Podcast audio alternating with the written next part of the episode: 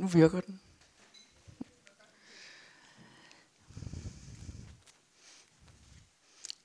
Jeg synes, der er nogen, der pirker i dag.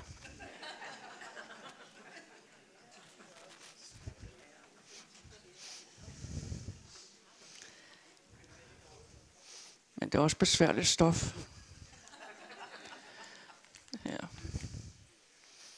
Jeg har ellers kørt med en taxichauffør, som var meget optaget af, at jeg skulle lave mands mindeforedrag. Det havde han godt nok ikke kørt om før. Det ville han gerne komme og høre.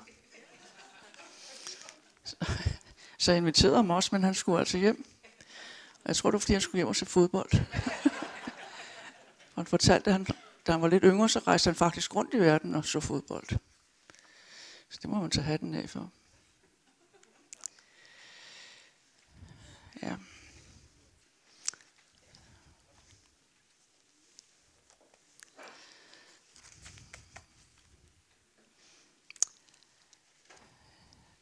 Gang for mange, mange år siden, det var i 1989, der besøgte jeg Estland.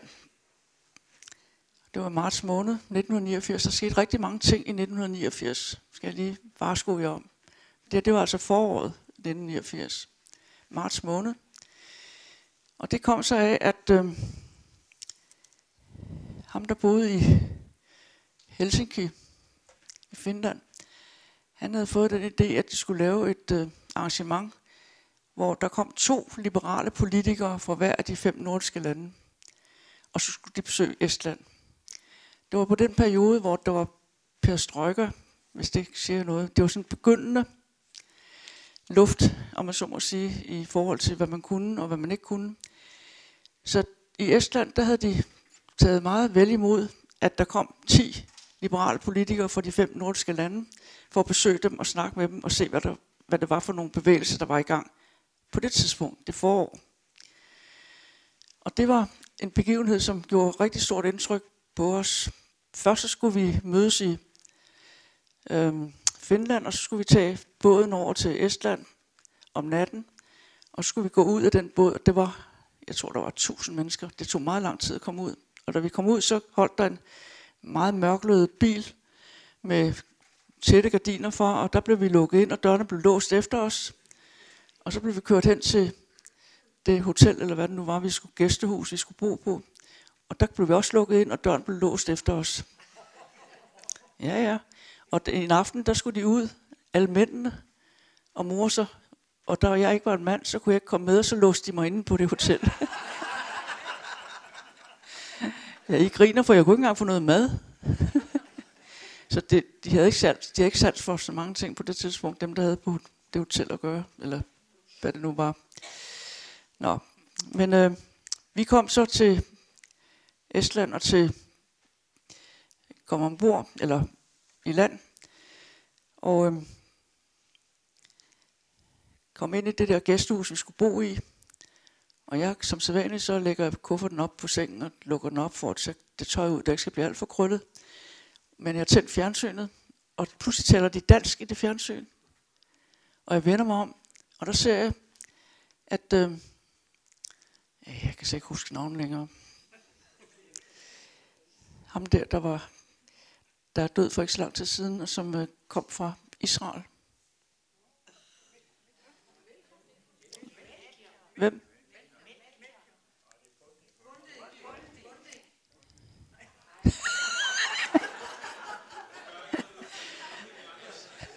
Jens, hjælp mig lige.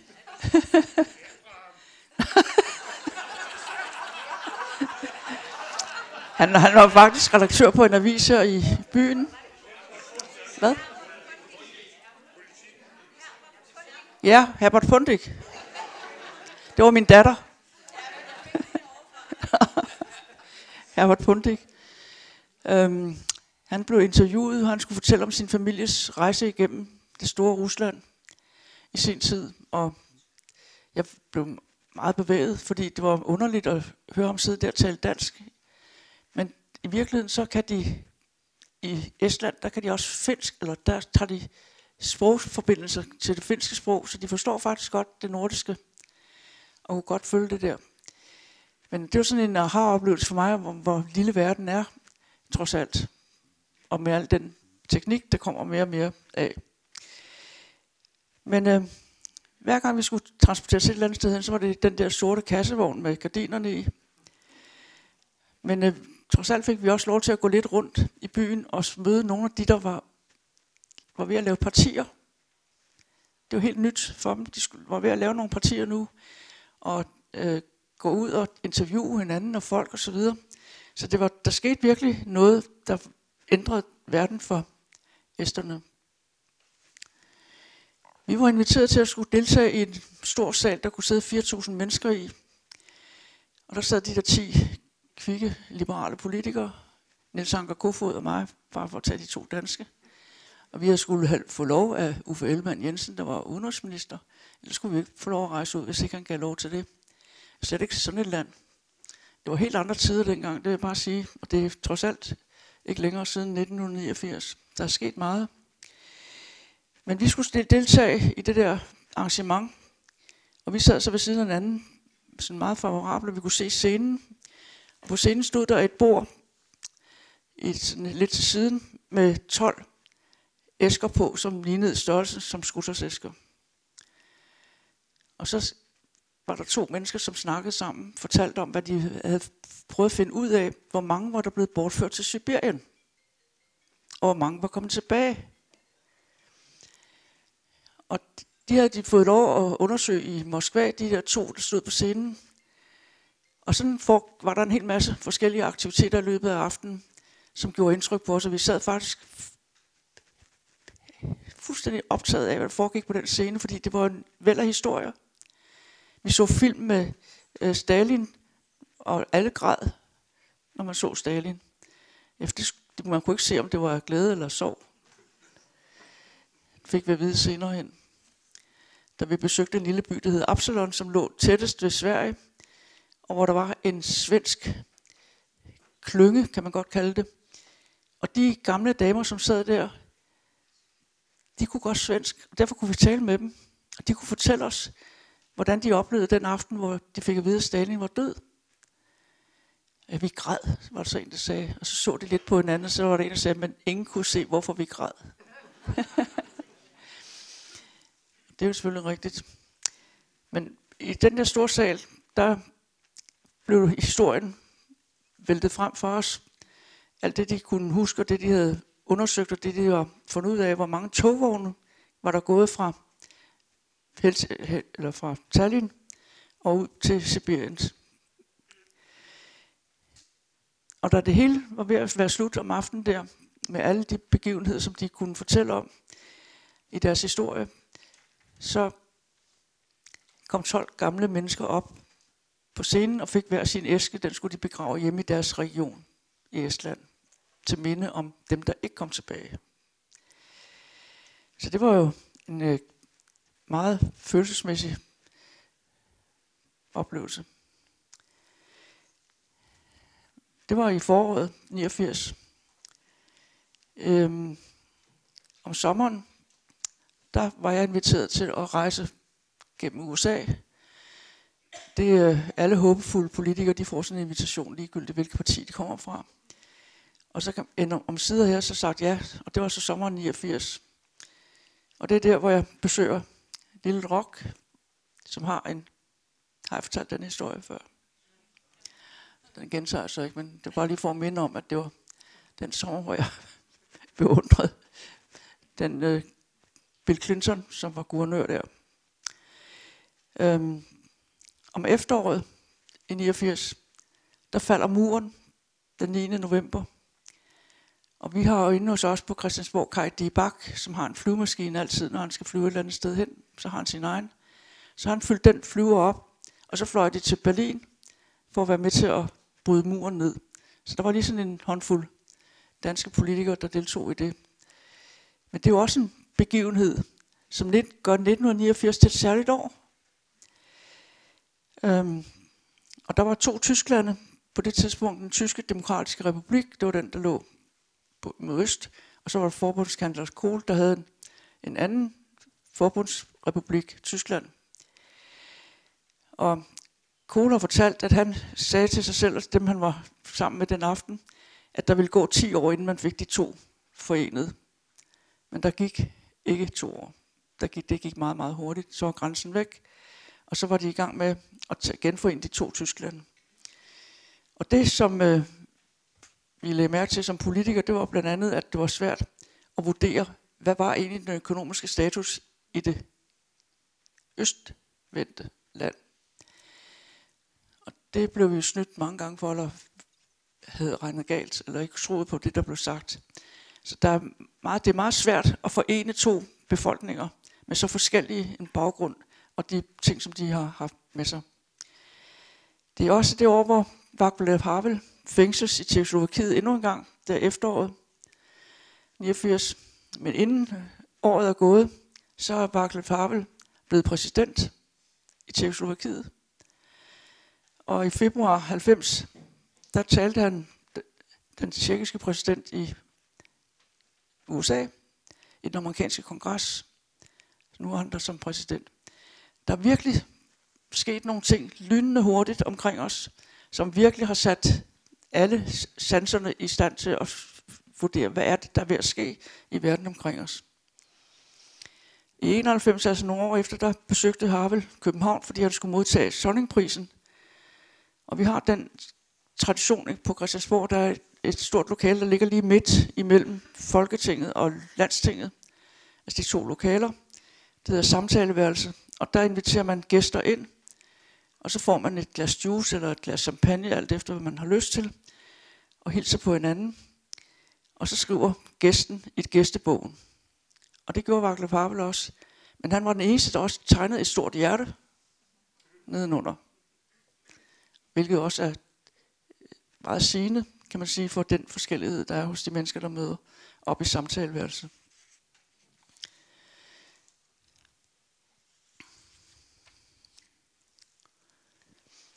Så springer jeg et stykke hen i historien, september 1985, hvor Slytter gør sig meget kendt ved at lave et slogan, der hedder Unionen er stendød. Og det er fordi, han, der er lavet et øh, kæmpestort stykke arbejde. For vetoretten, den kan godt øh, i samarbejde med EF klares, som det hed dengang. Mange tilhængere af EF argumenterer jo for en folkeafstemning med en union for at bevare vetoretten. Nej, undskyld, mod en union for at bevare vetoretten. Den der vetoret, det var enormt vigtig, også for det parti, jeg er medlem af, hvilket jeg synes er, i dag synes jeg er pinligt, det synes jeg sådan set også dengang, men det er så set lige meget, for der sad ikke i Folketinget, men der var jeg bare med i partiet. Øhm, især Radikal Venstre og Socialdemokratiet er meget, meget imod at fjerne vetoretten. Det er ligesom ankeret at holde fast i det. Så kan man altid sige nej til det hele. Ikke? Der sker så meget i den der periode, som gør, at jeg træffer en beslutning, som jeg er så frimodig at sige til Niels Helve, der var leder af partiet på det tidspunkt, at det er sidste gang, jeg stemmer imod min egen overbevisning, og det er sidste gang, jeg stemmer imod noget af det europæiske samarbejde, vi skal være en del af. Og det har jeg holdt. Så har jeg sagt det, som det er. Øhm, men det er klart, at det er jo forhandlinger, der skal fødes, ikke i at, ikke at anvende vetoretten, men øh, forhandlinger skulle føre til ikke at anvende vetoretten længere. For det kunne man ikke bruge i det indre marked, som man var ved at skabe. Så derfor blev vetoretten lagt ind i Luxembourg, sådan mentalt. Og der lå den meget godt, der alle papirerne, som havde med vetoretten at gøre. Men vi brugte det bare ikke, eller det fik lov at ligge der, man brugte det ikke. Så længe, fordi det var en anden vej, vi ville gå. Så derfor, kernen i det, der skete her, det var jo, at man lavede en slags unionspakke, som EF-topmødet besluttede. Og Slytter siger efter topmødet, vi må sluge den unionspakke, som EF-topmødet besluttede, ellers er Danmark på vej ud af EF. Kernen var indførelse af flertalsafgørelser på det indre marked, en række nye øh, arbejdsområder og et tættere udenrigspolitisk samarbejde Og det, der, det var ikke meningen, at der skulle være folkeafstemning om det. Det var noget, der kunne vedtages uden videre af et flertal. Og det øh, var det, der Slytters tanke var, at det var det, man skulle. Og Uffe Ellemann Jensen også, de var pot og pande omkring det her. Øhm, så man, den beslutning, man kan træffe, det er at fastholde vetoretten på det, vi allerede kender området af. Og den bliver bare ikke brugt, for den ligger derovre i Luxembourg. Og øh, farvel til vetoretten på nye områder. Det er pointen her. Man er også klar over, at danskerne kan ikke lide ordet union. Så derfor ændrer det til sammenslutning. Som om de ikke har haft dansk lærer, der kunne afsløre den slags ting. Tirsdag den 14. januar, der slutter holder han pressemøde og taler om temaet velfærdstab, hvis vi melder os ud af EF. Og der er dårlig stemning derinde. Der er ikke øh, folk, der begejstrer for nogle af de her ting. Så om aftenen, der bebuder Slytter en fælles, en folkeafstemning, hvis øh, Socialdemokraterne fastholder et nej, eller hvis der kommer en genforhandling af unionsparken, hvis den er umulig. Altså skal vi så have en folkeafstemning. Og der har han virkelig tænkt sig om, den gode Poul Slytter. Fordi han har lige set for sig, at hvis han venter nogle dage med at offentliggøre de her ting, og det gør han, han venter til 29. januar, fordi så er der kommet så meget øh, tradition frem i arbejderbevægelsen, at de er alle sammen gået på ferie, eller de er færdige med det, de skal behandle. Nu er de først møderne en gang igen i marts. Og det har han undersøgt, så det skynder han sig at lave det, han kalder en vejledende folkeafstemning. Og det er et helt nyt begreb. Det står ikke nogen steder i nogen bøger eller nogen paragrafer, at vi har vejledende folkeafstemninger. Men slutter og laver lige en vejledende folkeafstemning og slipper godt fra det. Det er sådan nogle ting, jeg godt kan lide, det må jeg sige. Så der bliver den folkeafstemning den 27. februar. Og det passer lige med, at der er ro. Der udgives ikke nogen ting fra forlagene om nogen ting om det her, om den her type ting, eller for arbejderforbundene. Øhm.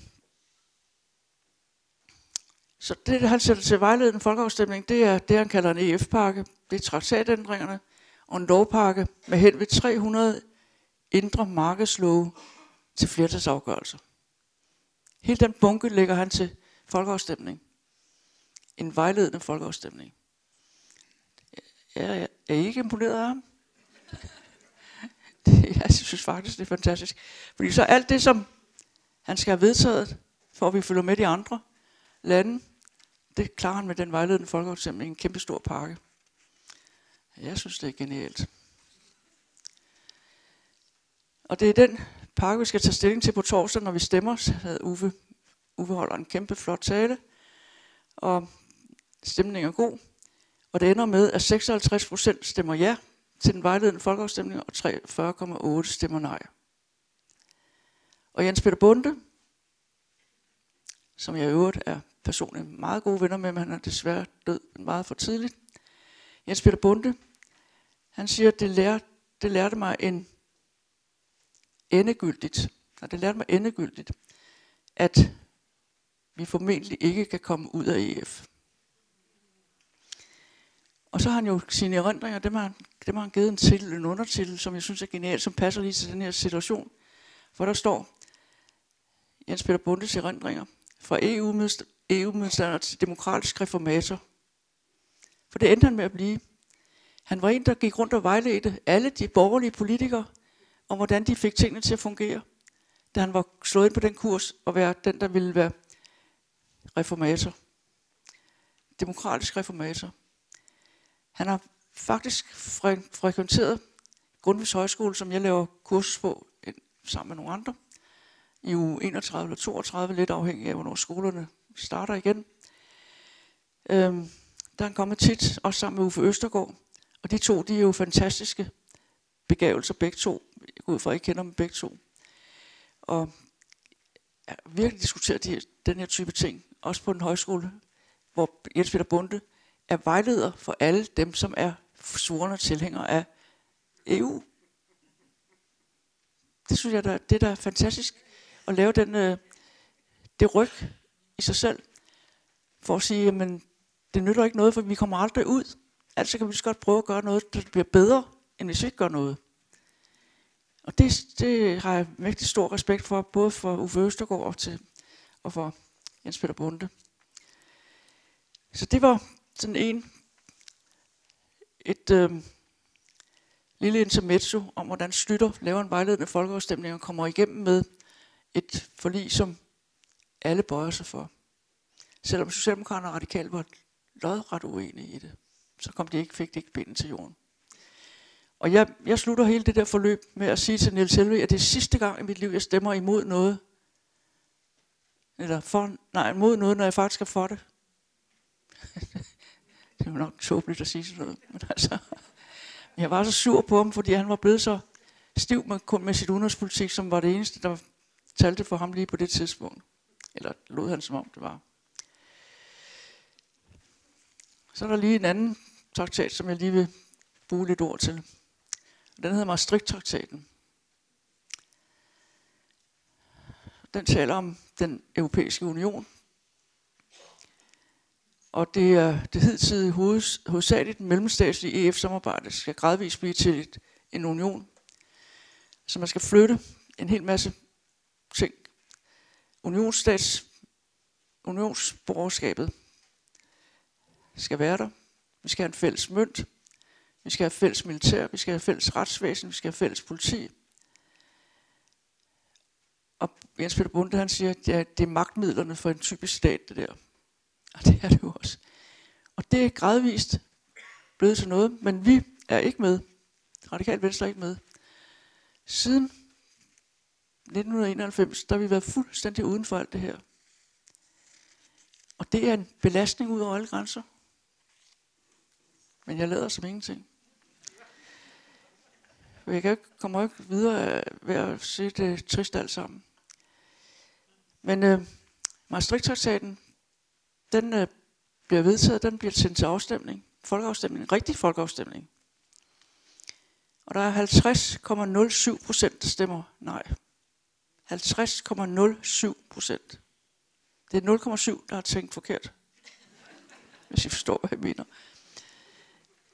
Og nu er der gået 29 år, og vi er stadigvæk den situation. Danmark er stadigvæk ikke med. Men nu har Mette Frederiksen som statsminister jo sagt, nu tager vi forsvarsforbehold til afstemning den. Er det den 2. juni eller 1. juni? Og nu husker I, hvad I skal stemme. vi har spildt rigtig mange år med at sidde i kanten af alting her, og, og på en eller anden måde slippe igennem og hænge på, jeg har sagt hænge på kofangeren, når bilen drøner forbi os.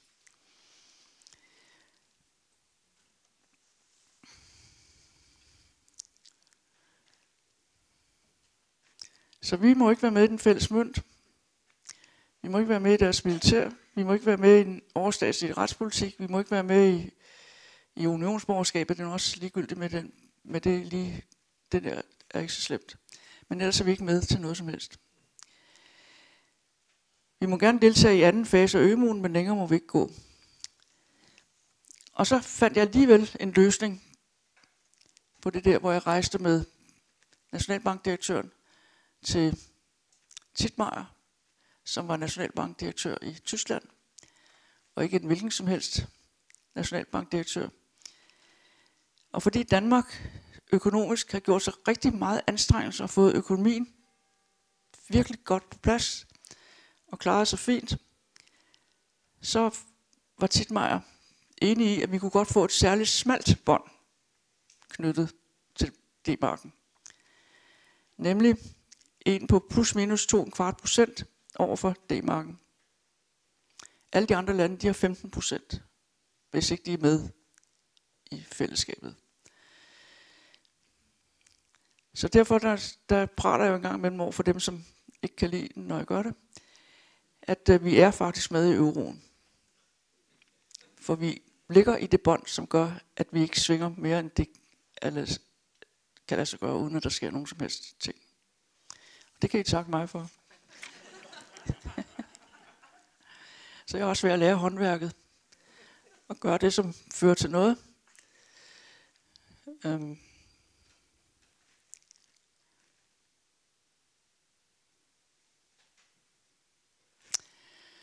Ja. Så har vi i Danmark en øh, sag, som vi kalder Tamilsagen. Og øh, jeg har på det tidspunkt, i begyndelsen af 90'erne, der har jeg jo fået sådan mere personligt forhold til Slytter. Så det er der, hvis jeg kommer over til ham,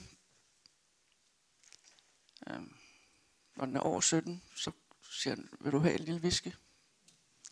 Og som regel vil jeg gerne det, det vil han også. Så det er lidt trist. Jeg har sådan en dårlig samvittighed overfor ham. Nej, det har jeg ikke, men jeg er lidt ked af det, den skæbne, han egentlig har haft fået. Fordi Tamilsagen, den piner ham selvfølgelig. Og vi er til afhøringer. Alle dem, der har været involveret på en eller anden måde i årene op til der, hvor vi 1993, hvor det hele afsluttes. Der har vi været til afhøringer i retten om, hvad vi vidste, om vi har læst den forside på artiklen på forsiden i politikken i den og den dato for 3-4 år siden, og hvad vi tænkte, da vi læste den, og jeg kan ikke huske, at jeg læste den, og jeg kan heller ikke huske, hvad jeg tænkte, da jeg læste den. Så det var meget pinligt. Men der var rygepauser. Udspørgeren, han stod med alle journalisterne ude i rygerummet, og det gjorde jeg også, for jeg røg på det tidspunkt. Så jeg kunne høre, hvad de stod og snakkede om. De stod og snakkede om, hvad jeg har sagt derinde, og hvad jeg ikke har sagt, og hvad de andre har sagt osv. Og det var simpelthen så forarvet over, at udspørgeren står og snakker med journalisterne om det. Så efter nytår, så bad jeg med et møde hos Slytter, og fortalte om det, og så sagde han, ja, men øh, det er der ikke så meget at gøre ved. Men jeg kan sige, at hvis det ender med, at jeg er frikendt, så er jeg frikendt, og så fortsætter jeg. Hvis det ender med, at det er meget sort, og jeg bliver pålagt alle mulige skyld, eller ugerninger, så kan jeg jo ikke gøre noget, hvis der er flertal for det. Og det vil sige, at øh, det er kun, hvis den er sådan øh, uklar, så kan det blive besværligt. Og det viser sig jo, at den er meget klar, Hornslæts rapport, og slutter må gå. Og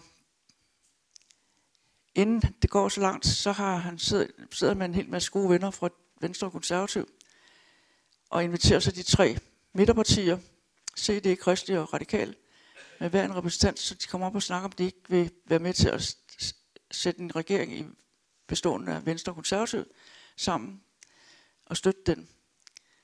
Og det kan se det og Kristelig godt. Det kan jeg ikke. Jeg har et, øh, en aftale med en radikal gruppe. Jeg skal komme derover til dem og give rapport.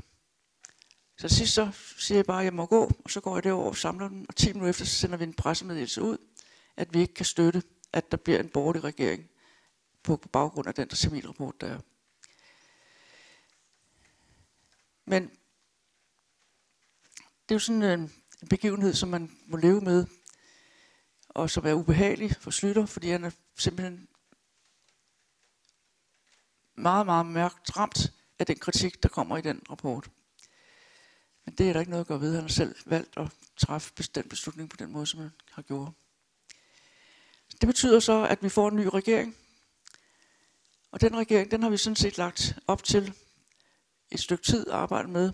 Jeg har arbejdet sammen med Måns Lykketoft i to år, efter vi begyndte at tale sammen.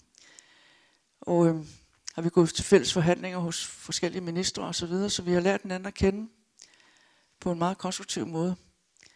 Og Nyrup har jeg kendt i meget lang tid, også før han kom i Folketinget, og jeg kom der. Øhm, så derfor er vi i en træenighed i den regeringsperiode samarbejder rigtig meget godt. Og Lykketoft har udtrykt det på den måde, der kan ikke komme ud på en stor erhvervskonference. Der kan ikke komme så meget som et cigaretpapir mellem Hjelved og mig. Der gik der sådan rygter om, man har sagt. Men alle, alle uenigheder, dem ordnede vi i, i finansministerens kontor. Han havde sådan to, to personer sofa, der stod over for hinanden, et bord i midten. Det var mægtigt velegnet til at sidde på hver sin side og drøfte de ting, som man kunne være uenige om, og finde løsninger på det, inden det var noget, der spredte sig rundt omkring. Så derfor har vi været en meget tæt træenig regeringsstok, øh, kan man sige. Alle tvistigheder, dem ordnede vi selv. Eller ordnede vi i stilfærdighed og lytten til hinanden. Hjælp hinanden. Holdt store møder med folketingsgruppen og fra Socialdemokratiet og Radikale osv. Og, så rejste Mogens og jeg sammen et eller andet sted hen, sådan mellem et år eller et andet mellem. Vi har været i USA nogle gange for at studere forskellige ting. Vi har været i Australien, vi har været i New Zealand, vi har været i Sydamerika, i Argentina for eksempel, og Sydafrika. Og det der, det der selvfølgelig er ideen, det er, at når vi rejser ud, så kan man sige, at vi renser luften, hvis der er noget, vi har brug for at rense, om så må sige. Og når vi rejser hjem, så er vi jo fuld af det, vi har oplevet, og så prøver vi at se, hvad kan vi bruge af det her? Øhm, og det har været meget, meget givende. Øhm,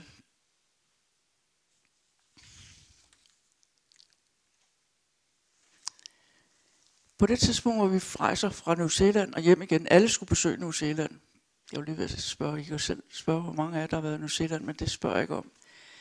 Men det, dengang var der alle kommuner og alle amter og så videre, de skulle lige igennem New Zealand, fordi der skete rigtig mange reformer dernede. Øhm, så vi har altså også været der.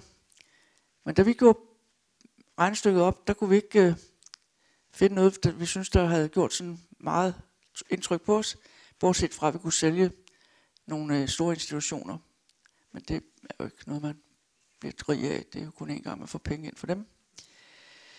Øhm, men jeg havde set et problem foran mig, fordi nu var vores økonomi så god i Danmark, så vi begyndte at have overskud på mange poster. Og jeg kender jo Folketinget så godt, så jeg ved, at hvis med den øh, tradition, man har for, når der, er over, når der er nogle penge, så kan man også bruge dem. Så derfor handlede det også om at finde en eller anden måde at håndtere det der på, så man undgik, at der gik græsat i Folketinget, og man lavede flertal på alle mulige måder, og brugte penge, som ikke var hensigtsmæssigt. Øhm. Så derfor skulle man også finde ud af, hvordan løfter, løfter man den opgave. Og derfor sagde vi, vi vil prøve at lave en plan, der hedder Danmark som forgangsland. Hvor vi skriver ned, hvad vi har opnået, hvad vi gerne vil opnå, hvad er der for nogle initiativer, vi har tænkt os at gøre, og så udgiver vi den her. Den er fra 97, den første af dem. Og så laver vi en hvert år, så vi kunne følge, alle kunne følge. Den her, det næste år. Den er lidt tykkere. Der vil komme lidt mere i gang med at lave undersøgelser osv. Det er faktisk meget interessant, fordi det er nu, den her model, det er den, det, der er grundlag for alle regeringers forberedelser. De laver det bare ikke i sådan en fin hæfte, men de laver det i A4-format, og så deler de det ud. Og I kan se det, når der er nye regeringer, som skal planlægge, hvordan, hvad de vil lave, så laver de et kæmpestort materiale, som, hvor de har lavet alle regnestykkerne for at vise, at de har en fornuftig økonomisk situation, de bevæger sig ind i. Og det anerkendte Anders Fogh Rasmussen, der var kongelig undersøger. Han havde Elisabeth Arnold og mig overfor fortælle os, at det var meget klogt, alt det vi havde sagt og gjort osv., men øh, han skulle nok også følge op på det og arbejde på samme måde. Fordi det er faktisk en meget disciplineret måde at gøre det på. Og det betyder også, at alle partier jo på en eller anden måde skal gøre redde for deres underskud. Hvad vil de gøre ved det, hvis der kommer et underskud? Hvordan vil de løse den opgave? Så den moral har fulgt, eller en måde at tænke på, at den er kommet af det her materiale. Anders Fogh, han var frimodig, så han blev statsminister og sagde, at øh, han ville bruge det overskud, som vi havde lavet. Det ville han bare bruge til noget andet, end det vi havde sagt, det skulle laves bruges til. Det, det var selvfølgelig hans eget valg, hvordan man vil bruge pengene. Så Anders Fogh, han blev statsminister, og han var statsminister i helt til 2009, hvor han kom i, til NATO var leder der. Og så tog Lars Lykke over. Øhm.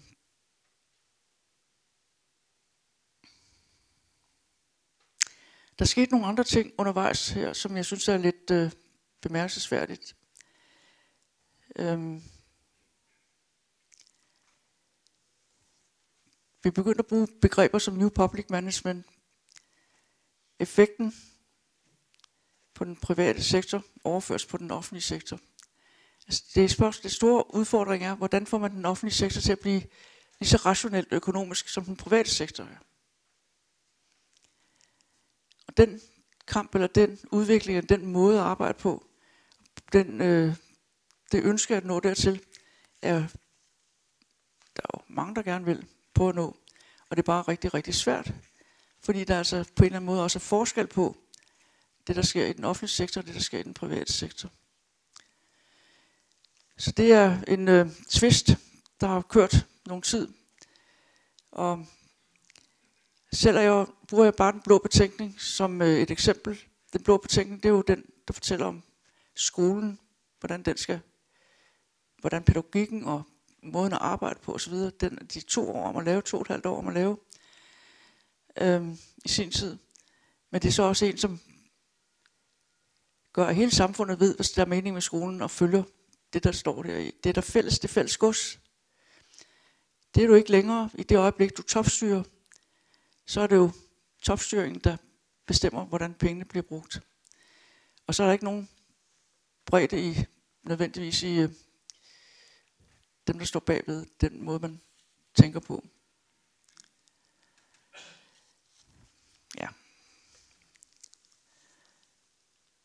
Så blev jeg minister og tiltrådte den 25. i 1. 93. Og jeg skal til møde i Ekofin, som er økonomifinansministerrådet, fordi jeg er økonomiminister.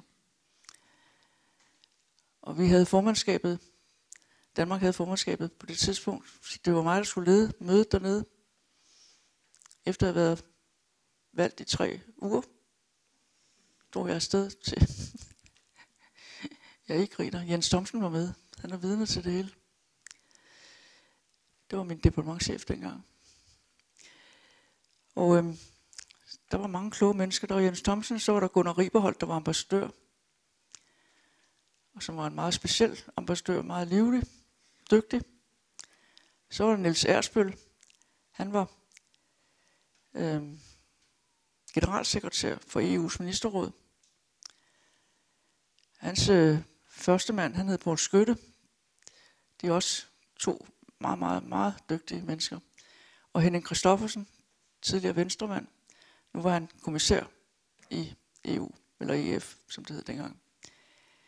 Så de fem herrer, de skulle have mig i skole den søndag aften, hvor jeg landede der. Nu skulle jeg jo forberedes til at varetage ledelsen af ekofin næste dag, som jeg ikke selv har været i tidligere. Ja, jeg synes da, det var meget frisk gjort og vil jeg blive økonomiminister, når man var sådan en skolelærer som mig. Øhm.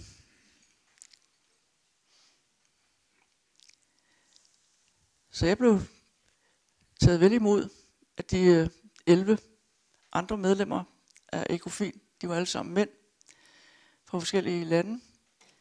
Og de skulle alle sammen komme med sjove bemærkninger, hvor der sad sådan en kvinde for bordenden og nu havde jeg været igennem det hele om aftenen, og der, i stedet for at svare på alle de ting, som de kloge mænd, og de var meget kloge, havde givet, og jeg havde noteret ned, så jeg tog det med mig. Men jeg skulle begynde at diskutere det med dem nu, det orkede jeg simpelthen ikke. Så jeg sagde bare til dem, tak for alle de gode råd. Nu sover jeg på det. Og så gik jeg over i mit værelse. Ja, der var ikke noget at gøre ved det. Når jeg sagde sådan og gjorde det, så måtte de jo acceptere det. Og så næste dag, så havde vi så møde Ekofin, og det gik sådan set meget smertefrit og ordentligt. Den eneste, der var lidt betænkelig, det var portugiseren. Han kom hen til mig bagefter og spurgte, om han havde været for sexistisk i sin venkomst til mig. nej, nej, nej, sagde jeg så. Tag det roligt.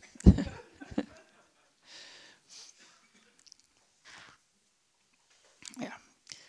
Det er utrolig mange oplevelser, man får, når man sådan bliver kastet ud i den store verden og skal håndtere diverse ting.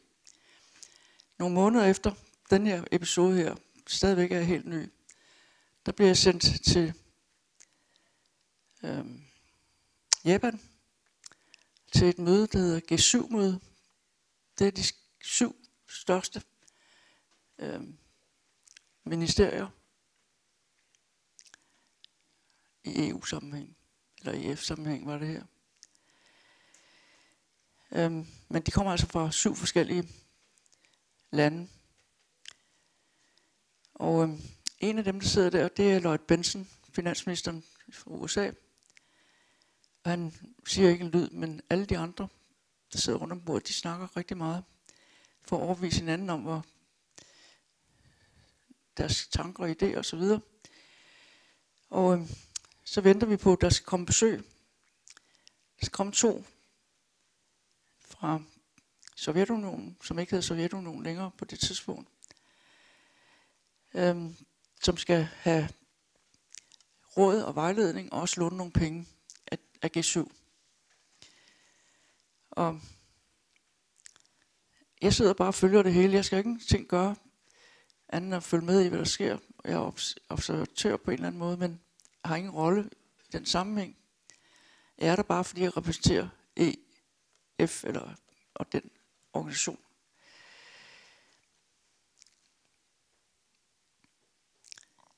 Da så hele det møde er færdigt, og vi har fået noget frokost, så kommer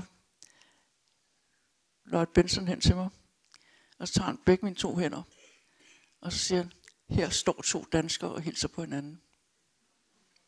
Hans bedstefar var taget til USA, da han var ung. Og nu Lloyd Benson, han er en af de rigeste i USA. Eller en af meget, meget, meget rige i hvert fald. Så han har gjort det godt. Og Mogens Lykketoft, ja, vi besøgte jo USA senere på et tidspunkt. Og så ville Lykketoft enormt gerne møde Lloyd Benson. Og så sagde han, det kan jeg godt prøve se, om min sted kan skaffe adgang til det. Og der gik lyn hurtigt så forsvaret, at jeg var velkommen, også med min kollega, og besøge ham. Og han lavede en beskæftigelsespolitik på det tidspunkt, som havde fået to millioner mennesker i arbejde. Og det er på en måde, som Måns Lykketoft kaldte work, working poor. Altså man blev fattig af at arbejde på den måde. Og det har han garanteret haft ret i. Men det er bare det, når man sidder hos sådan en finansminister og lige har fået, han lukker døren velvilligt op, så det første, han får, det er en kæmpe diskussion med Måns Lykketoft. Og jeg tænker som en gal, vi bliver nødt til, jeg bliver nødt til at gøre et eller andet, som afleder dem fra den der diskussion om Mokkenpur. Så jeg rejser mig lidt og går lidt rundt og ser ind på at det sidekontor, han har, Lord Benson, at han har fotografier i vindues, vinduet hele vejen ned. Og så spørger man ikke, om man ikke vil komme og fortælle om de fotografier. Og det er alle dem, der har været finansminister før ham, de sidder der. Undtagen en, nemlig Nixon. Han var bandlyst åbenbart. Men alle de andre, de var med på tavlen. Så der kunne Lotte Benson jo stå og fortælle om de der, øh, hans bekendtskaber og hvad han havde oplevet med dem. Og så kunne Mogens lukke munden så længe om de der vokken fuger. ja, ja, men altså, nogen skal jo få tingene til at glide på en måde, som er hensigtsmæssigt. Så, så er det sådan en situation, hvor Mogens godt kan være, have været lidt sur på mig. Det er ikke sikkert, at han var det, men altså, derfor kunne han jo godt have været der alligevel. Vi altid opfører os pænt over for hinanden. Det er fordelen med sådan et markedskab.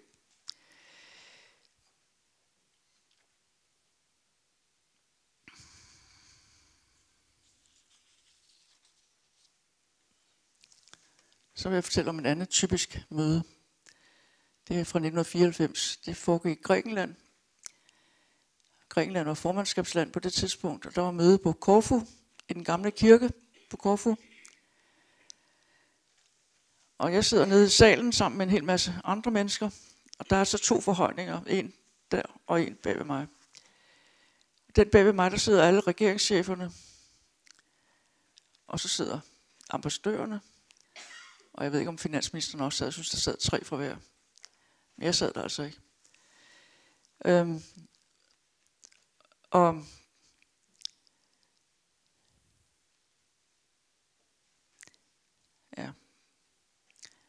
Det er meget interessant at sidde i agtage sådan en række finansminister, eller hvad de nu var, dem der sad deroppe. Fordi de jo hver især skal, eller statsminister, de hver især har en rolle at spille i en stor fælles forening. Og den kan de jo ikke lade være med at spille, også når de sidder der og skal se på over på nogle andre, og så opføre sig stilfærdigt. Men nogle er meget urolige, når de sidder sådan et sted. Det kender I fra skolen. På den anden side, der sad præsident, EU's præsident Jacques Delors, der sad den russiske præsident Yeltsin, der sad de fire kommende medlemslandets regeringer. Det var chefer fra Norge, Sverige, Finland og Østrig. Der var en kæmpe, altså de var alle sammen planlagt, at de skulle optages i EU, eller EF, som det stadigvæk hed på det tidspunkt. Og jeg sad nede i salen og fulgte det hele. Og tænkte på, at det var ikke engang gået fem år siden murens fald, så var vi nu kommet så langt. Og Sovjetunionen var væk, Rusland var genopstået på vej til demokrati. Og så har jeg skrevet nedenunder her, i dag er vi utrygge ved Rusland. Altså, der er sket nogle skift, som også er interessant at prøve at få styr på, eller få taget fat på. Men vi sidder altså der i den store sal, og i virkeligheden er det meget positivt, at der er fire nye, der gerne vil være med. Og det er en optagelses, øh, det er jo ikke en optagelsessituation der, men de har sendt ansøgning ind, og nu skal de behandles. Og de skal have afstemninger i deres egne lande. Og Norge stemmer nej, de vil ikke være med, så de sidder helt udenfor nu. Men de andre lande, de stemte ja, og de er med nu. Øhm. Så det er jo også en ting, som gør indtryk på, at vi rejser ud i verden på den måde, besøger hinanden og oplever hinanden politisk.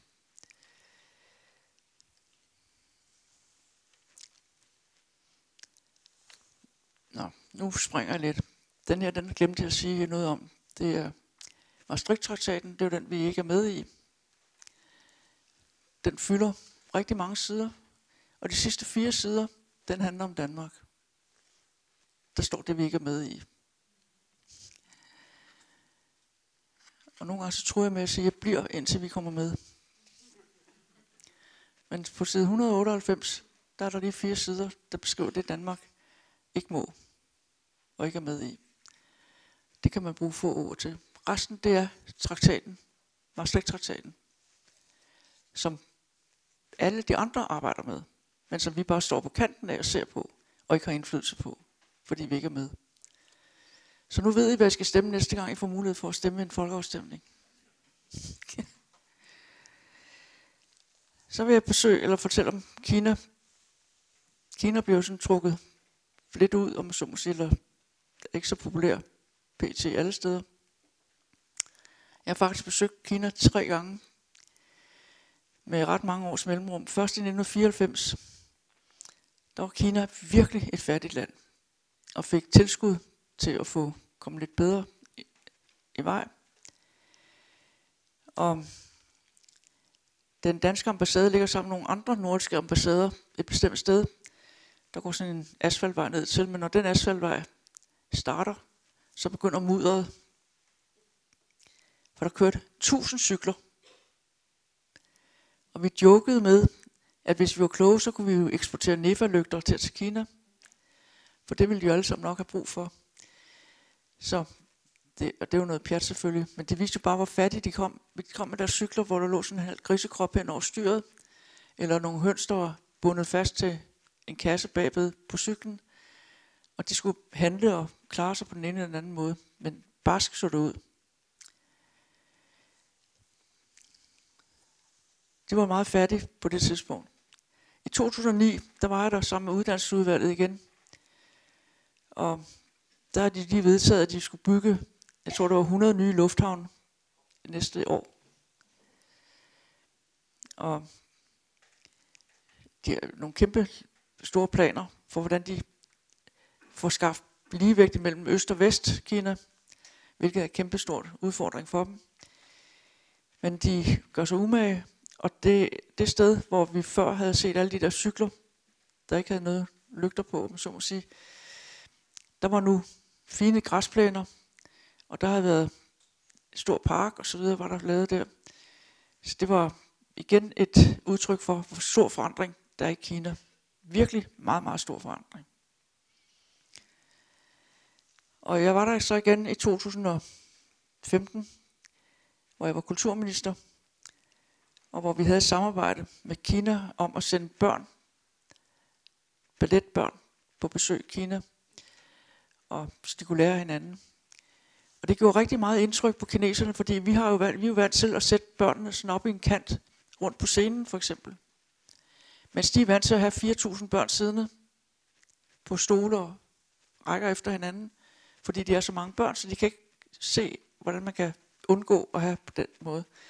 Det er jo meget øh, sådan set lærerigt at snakke om nogle ting af den karakter, og prøve at få, finde ud af, hvordan kan man hjælpe dem med at vende børnene til at blive en mere naturlig del af det, der foregår på en scene, sådan som vi gør rigtig mange steder i Danmark.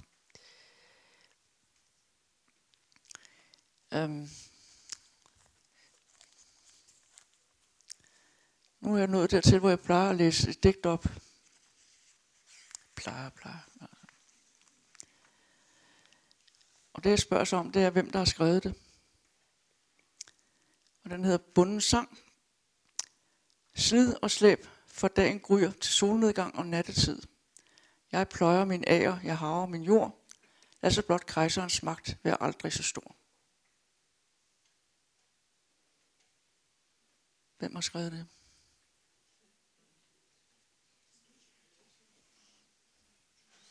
Når der så står en forsamling, så plejer der altså nogen, der siger Jeppe Aukær. Er det ikke rigtigt? Ja. ja. Den er tidsfæstet til 2357 år før Kristi. Det vil sige, det er godt, den er cirka 4.300 år gammel, det digt her. Og det er bare et af dem. De har en rigdom af den type igennem rigtig, rigtig mange år. Og der er nogen, det, det jeg synes, der er sjovt her, det er, at kultur jo på en eller anden måde er kultur. Hvad siger du?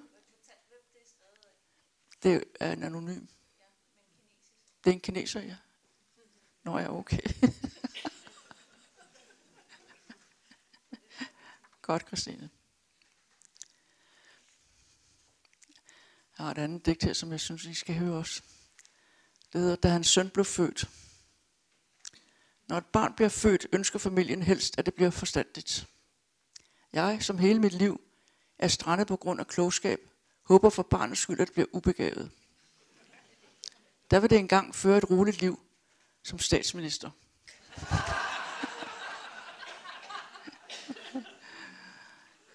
Ja, det er, det er også nogle tusind år gamle. Men det der alligevel, synes jeg, at sådan en, den her bog, den er fuld med kinesiske digte fra en lang periode, altså over mange forskellige perioder.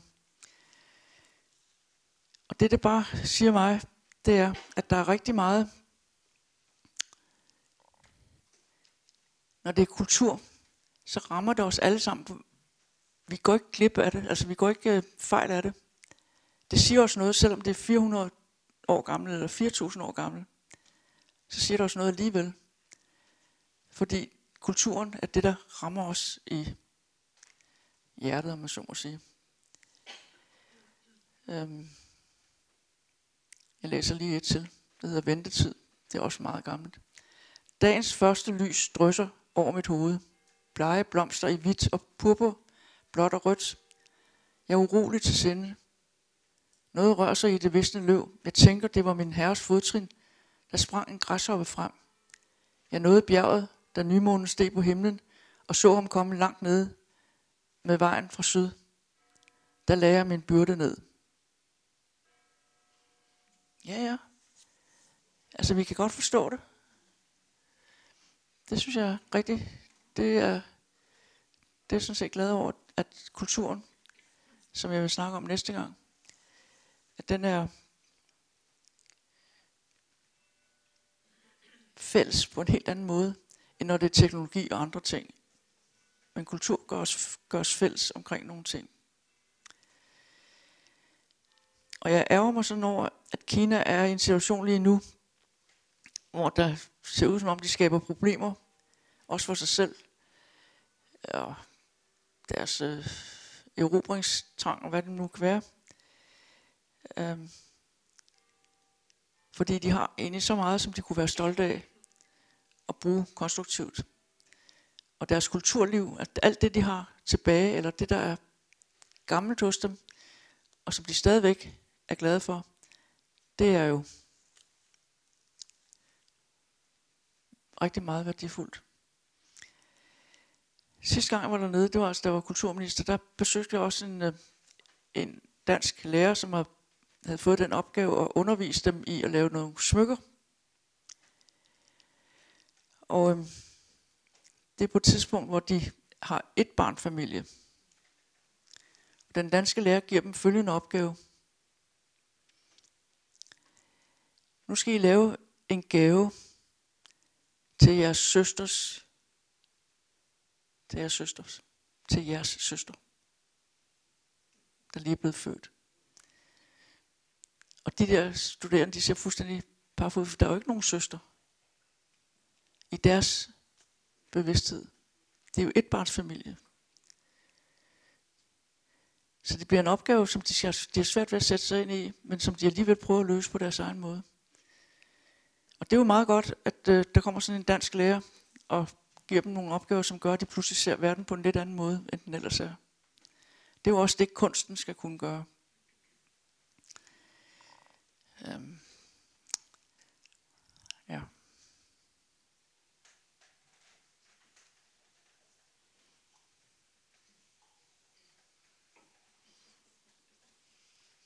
Står der Indonesien og Vietnam. Men det er fordi, at jeg også har siddet i præsidiet, og præsidiet de rejser jo også ud og møder deres kolleger andre steder. Så vi er en rejsenløsten flåde inde på Christiansborg. på mange måder. Men det er, jeg synes, det er fantastisk at komme ud og besøge nogle lande, og særligt sådan et land som Kina. Øhm, sidste gang jeg var der, der, da jeg var minister, der fik jeg et møde med deres censur, ham der leder hele deres censur i Kina. Og man sidder jo sådan i en træfodet, altså to hovedpersoner, der skal snakke med hinanden, de sidder på hver sin store stol heroppe for enden, og så sidder der alle danske ledsager og alle kinesiske ledsager. Så de, der er mange, der er vidne til, hvad der foregår, og holder øje med og lytter, eller lytter efter, hvad der bliver sagt. Og jeg kan ikke lade være med at spørge til det, som generer sådan en som mig, nemlig, at det er meget svært for kineserne at få lov til at bruge udstyr, hvor man kan tage ting ned udefra. Altså, hvor man kan få idéer fra andre lande, som ikke er, er godkendt i forvejen. Forstå mig ret. Det er, så jeg siger til ham, censurmanden der, at øh, i Danmark, der prøver vi at lære børnene, hvordan de opfører sig med, deres, med de her instrumenter, som kan de her ting. Det gør man ikke ved forbud, det gør man ved at lære dem forskelligt. Ja, ja, det har vi ikke tid til, siger han så. Og det, altså sådan set kan jeg jo godt forstå ham. Det er jo et kæmpe, kæmpe, kæmpe land med rigtig, rigtig mange mennesker, som de på en eller anden måde skal have den samme vej hen, om man så må sige. Nøjagtigt som vi i Danmark, eller et hvilket som helst andet land, jo også har en kultur, som vi prøver at opdrage vores børn og unge til at klare. Nu snakker vi om at få teknologi ind i undervisningen. Og det, øh, nu heldigvis må jeg snart sige, at nu håber jeg snart, der bliver valgt, så jeg kan slippe for at være derinde mere. Forstået på den måde, at alle de her ting jo hele tiden presser på. Og man kan jo ikke sidde derinde bare og lukke øjnene og ørerne, i stedet for må man jo engagere sig i det og sige, hvad, hvad skal der til, for vi kan lave en undervisning, hvor børnene også får den teknologiforståelse, som de har brug for. Og inden jeg ser mig om, så sidder jeg jo involveret med folk fra universiteter her og der, og hvad vil jeg, som arbejder med den slags ting. Og så skal man bruge rigtig mange kræfter på det. Og det værste er, at jeg skal så bruge kræfter også i folketingsgruppen. Og regne ud, hvor mange penge det koster, hvis vi alle sammen skal indføre det her i folkeskolen. Og det koster lige omkring en milliard, vil jeg gerne sige. Så det er jo sådan pænt. Og det er så hvert år. Altså. Det holder jo ikke op med det ene år. Men øh, det er den vej, det går, og det er den vej, vi skal prøve at støtte, at vi får den teknologi, som er en del af vores liv, at vi får forhold til den og kan bruge den på en fornuftig og konstruktiv måde. Og så kan man besøge de skoler, der faktisk arbejder med det på forsøgsbasis. Og så kan man se sådan nogle børn i 3. klasse, hvor meget de faktisk får ud af det. Så sidder de med sådan et kæmpe stort kort, der ligger på gulvet, hvor verden er sådan, det kender godt sådan en almindelig kort med landene på osv. Mit ur, det går slet ikke mere. Er han fem år? Undskyld. Nå. Okay. Nå, hvad var det for en sætning, jeg lige skulle gøre færdig? Nå, ja, det var kortet. Og så siger jeg til de der børn, det er tredje klasse, vi snakker om. Jeg har været i, øh, ikke så lang tid siden, jeg har været i, på den anden side af jorden, i øh, New Zealand, og viser hvor New Zealand ligger henne på kortet. Hvordan kan I finde ud af, at det er på den anden side af jorden her? Det kan de finde ud af. Fordi der er også nogle målslokker her og der. Og så kan de jo så regne ud, hvor den modsatte side af København, det ligger lige der, hvor New Zealand ligger. Og det kan de finde ud af i 3. klasse. Det er jo sådan nogle ting, der er fremragende, at vi kan få det ind på en eller anden måde. Nå. Ja. Nu lover jeg, at næste gang, så bliver der noget at grine af, for der er der kulturen, jeg kommer med. Tak for i dag.